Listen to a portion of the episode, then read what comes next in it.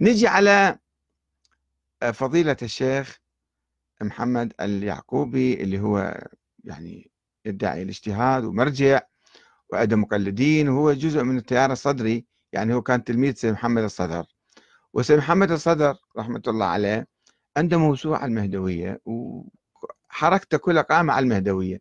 لذلك بعدين ابنه شكل جيش المهدي وعدة حركات تفرعت عنه وأدعى بعض أصحابها أنه هو اليماني أو هو المهدي أو هو كذا وبعضهم يقول أن المقتدى الصدر هو المهدي المنتظر. يعني هذه حركة لأن الفكرة عندما تتضخم تفقس بعدين هنا وهناك وتنتج آه، حركات آه، مشبوهة أخرى يعني. ف فالشيخ محمد اليعقوبي منذ أكثر من 15 عاما تقريبا تبادلت معه بعض الرسائل والأحاديث وطلبت منه أن يجتهد. سيد محمد الصدر نفسه عندما كتب الموسوعة وأنا اطلعت عليها أثناء بحثي سنة 92 93 فكتبت له رسالة أنه أنت في المقدمة تقول أنه أنا ما أبحث ولا أحقق ولا أدقق ولا أجتهد. أجمع الروايات باعتبارها مسلمات وبديهيات وواضحات. قلت هذا ما يجوز أن تفعل هذا الشيء. يجب عليك أن تحقق بالروايات لأنها محل يعني شبهة وروايات موضوعة وقصص يعني مو صحيحة. فما جاوبني في الحقيقة ولا أدري هل وصلت رسالتي له أم لا. أنا بعثتها بواحد من أبناء عمه يعني بيده السيد حسين الصدر. وأيضا الشيخ محمد اليعقوبي اللي هو متلمذ على هاي المدرسة ولكنه أيضا يقلد تقليدا أعمى في هذه المسألة بدون بحث بدون تحقيق بدون تدقيق. والآن يبدو كاتب شيء حول هذا الموضوع. أه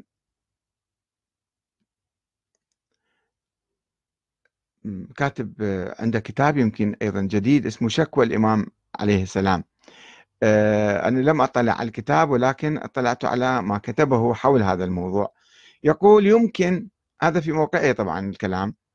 آه، قضية تحت هذا العنوان قضية الإمام المهدي عليه السلام يعني الإمام الثاني عشر محمد بن حسن العسكري مو مهدي العام المطلق وجود محمد بن حسن العسكري.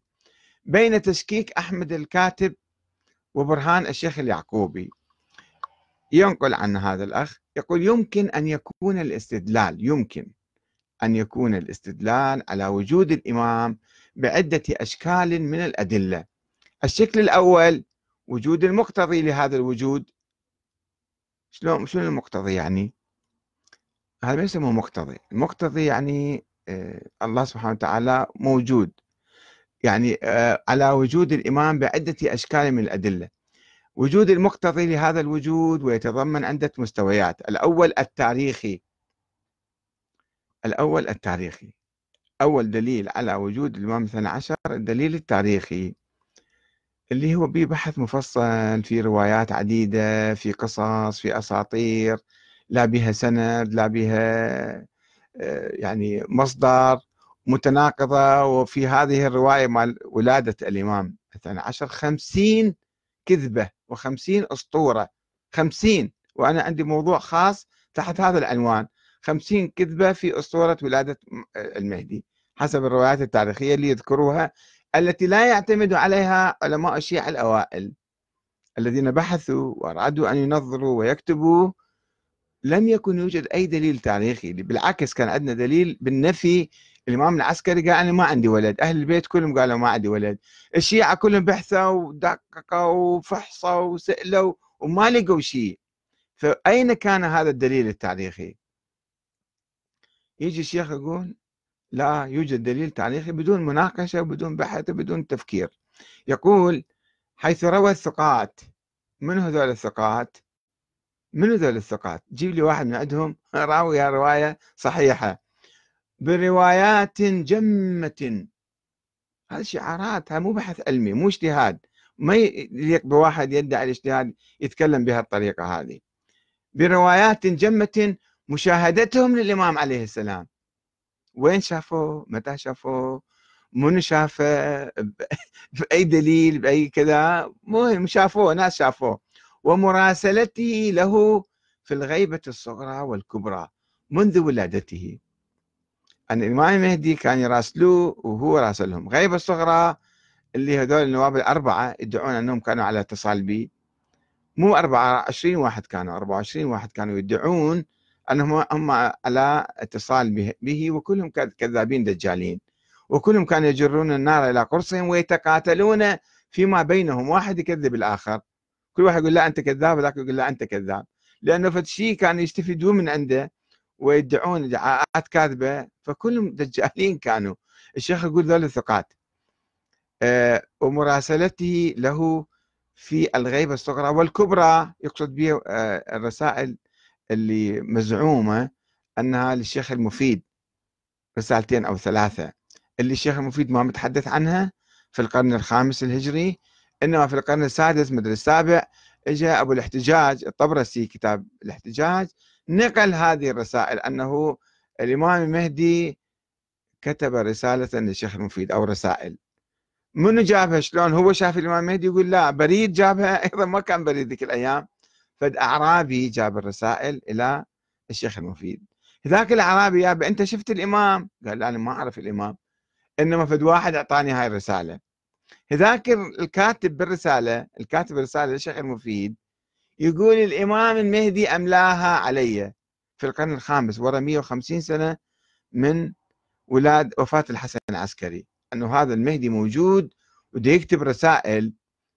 الشيخ المفيد المسدد الكذا مضخم بالشيخ المفيد طبعا. فهذه الرسائل الشيخ يعتمد عليها لأن ما باحثها ولا مدقق فيها ولا قاريها أصلا حتى يشوف أنه هاي شلون الرسالة وصلت للشيخ المفيد وكيف كانت تصل الرسائل. هاي في الغيبة الكبرى. منذ ولادته عليه السلام ومرورا بفترة السفراء الأربعة ما هي نفس السفراء ابتداء مو مرورا هنا يصير حتى الآن وإذا أردنا إلغاء هذه الوسيلة لإثبات المعلومات فلا تبقى وسيلة للتصديق بشيء إلا في موارد محدودة. هاي الكلام جدا عجيب غريب واحد يقول لك تعال ناقش في أسطورة في حكاية كاذبة. روايات مجعولة موضوعة. ابحث فيها وحقق فيها ودقق فيها وتأكد من رواتها تقول له لا لازم نصدق فيها وإذا ما صدقت بعد كل شيء يمكن نصدق هذا مو كلام علماء ولا كلام مجتهدين ولا كلام محققين. وروح اسألوا واحد طالب في الابتدائية اعرضوا عليه القصة يمكن يرفضها ويقول لك هاي بهذه الطريقة مع الأسف الشديد فيقول لازم تقبل خلاص إذا أنت ما قبلت وما سلميت يعني بعد ما تقدر تبحث أي شيء.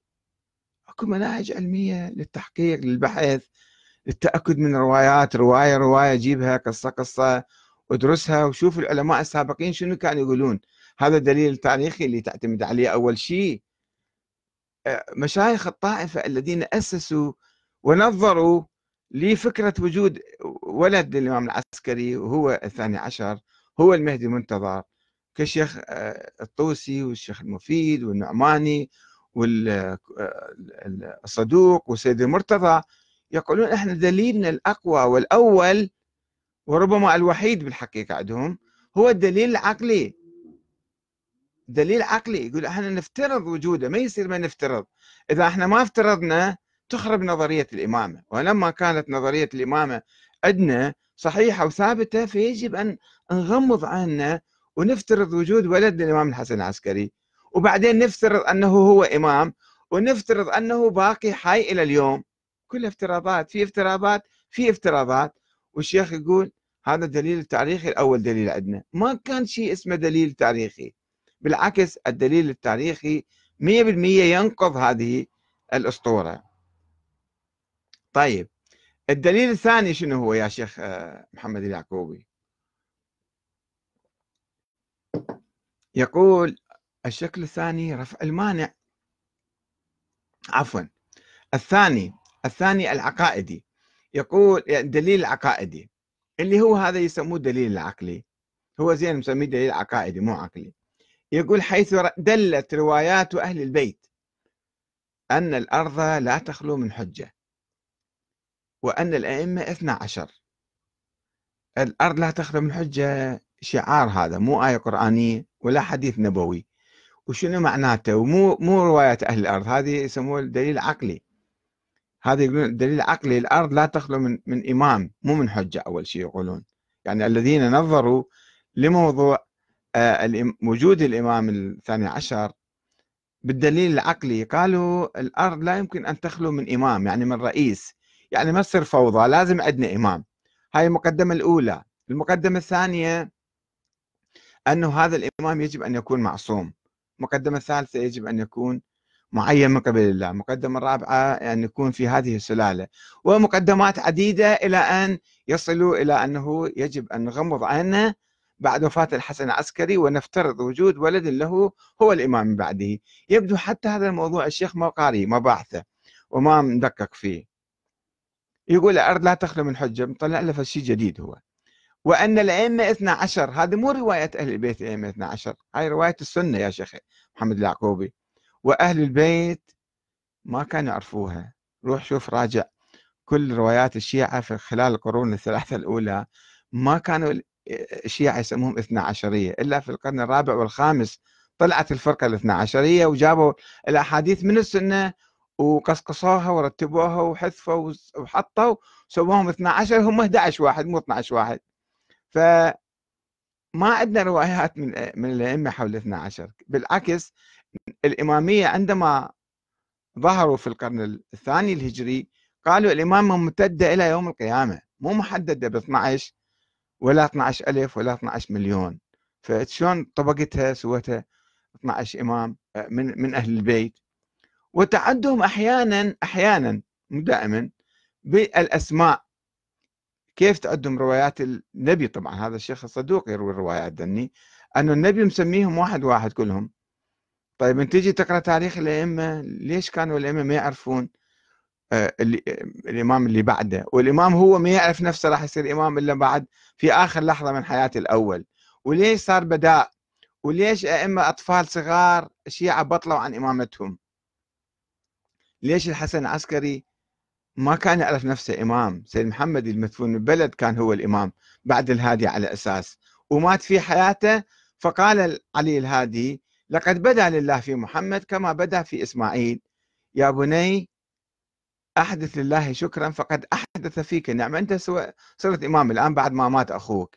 فهذني كلهن هاي النظرية تاريخ الأئمة ونظرية الإمامة تاريخ نظرية الإمامة مراجعنا الكرام العظام كل واحد حاط عليه نفسه لقب آية الله العظمى ما دارسين تاريخ الشيعة ولا تاريخ أهل البيت ولا تاريخ الإمامة ولا حتى بحث علم الكلام مال الموضوع هذا. وكل إمام ينص على خلفه. منين جبت كل إمام ينص على خلفه؟ عندك نص على إمامة علي بن الحسين ما عندك أبدا. ما أحد من الشيعة يدعي وجود نص على علي بن الحسين أو وصية من الحسين إلى ابنه علي. زين العابدين لم ينصوا على الباقر والباقر لم ينص على الصادق والصادق لم ينص على الكاظم والكاظم لم ينص على الرضا. كلها والرضا لم ينص على الجواد. ما في نصوص.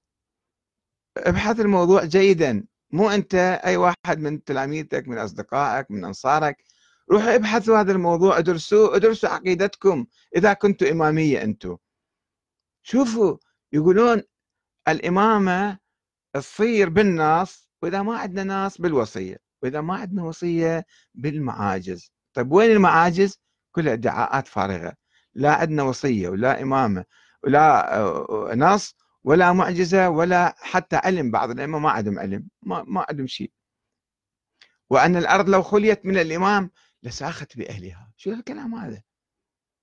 وغيرها ما هو موجود في أصول الكافي وغيره. طيب رحت حققت دققت مشت... شلون تقول أنا مجتهد وأنت ما مجتهد في هذا في عقيدتك في أساس عقيدتك؟ هذا المقتضي يقول دل على وجود الإمام. طيب الشكل الثاني رفع المانع وهو استبعاد طول العمر أو عدم الحاجة لذلك ونحوه من استبعادات وهي مدفوعة بوجود أمثلة أخرى كنوم أصحاب الكهف ورفع عيسى عليه السلام إلى السماء ووجود الخضر حسب ما هو مشهور. هسه ما يدري هو متأكد ما متأكد أنه موجود لا موجود مشهور. وغيرهم ورفع الاستبعاد طبيا وفلسفيا وعرض الثمرات لمثل هذا الوجود المبارك وغيرها من المعلومات التي ذكرتها في كتاب شكوى الإمام عليه السلام الذي طبع حديثا وأرجو أن يكون متوفرا في الموقع وأرجو من جميع الناس أن يقرأوا هذا الكتاب. أنا أرجو أحمد الكاتب.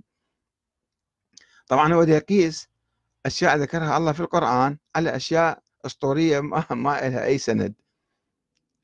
وخلاف استراتيجية النبي محمد صلى الله عليه وسلم في الدعوة للإسلام القائمة على معجزة القرآن فقط ما كان يجيب معاجز. وليش الله يطول العمر هذا بمعجزة يعني؟ ثم كيف الناس يعرفوه بعدين إذا ظهر؟ كيف يعرفوا هذا هو فلان ابن فلان؟ لازم يجيب معجزة. صار الكلام كله بمعاجز وهذا المنطق كله يخالف الإسلام. فلو واحد يفكر أنا ما عندي عداوة شخصية مع الشيخ اليعقوبي وربما هو مجاهد هو مناضل هو صابر هو أيام صدام كان مثلا يقاوم. أنا أقدر جهوده أقدر نشاطه. الآن يمكن هو يقوم بعمل إيجابي. بارك الله فيه مثلا. أنا لا أريد أن أؤيده ولا أريد أن أحاربه أو أعارضه. ولكن أقول ما يجوز يعني واحد يدعي أنه مجتهد أو مرجع وبالتالي يقول أنا النائب الإمام. وأنا الحاكم الشرعي عليكم وما يجوز واحد هذا ما يقوله أيضا الشيخ اليعقوبي وما يجوز واحد يأسس حزب إلا يأخذ إذن من عندي من المرجع. وبعدين يمكن المرجع يوم في يوم من الأيام يقعد الصبح يقول حليت الحزب هذا كما حل حزب الفضيلة هو الشيخ.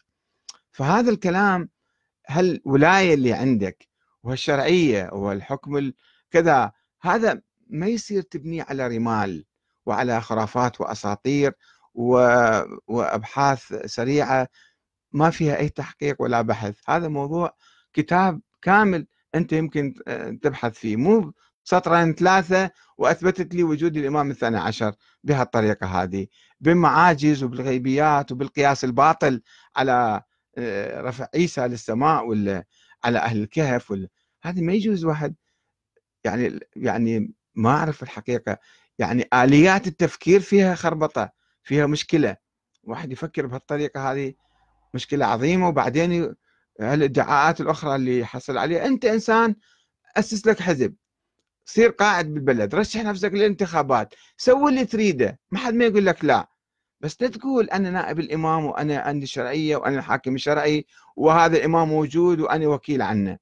هذه المساله تدمر الحركة السياسية وتعوق التطور الديمقراطي عند الشيعة في العراق هذه الأيام. والسلام عليكم ورحمة الله وبركاته.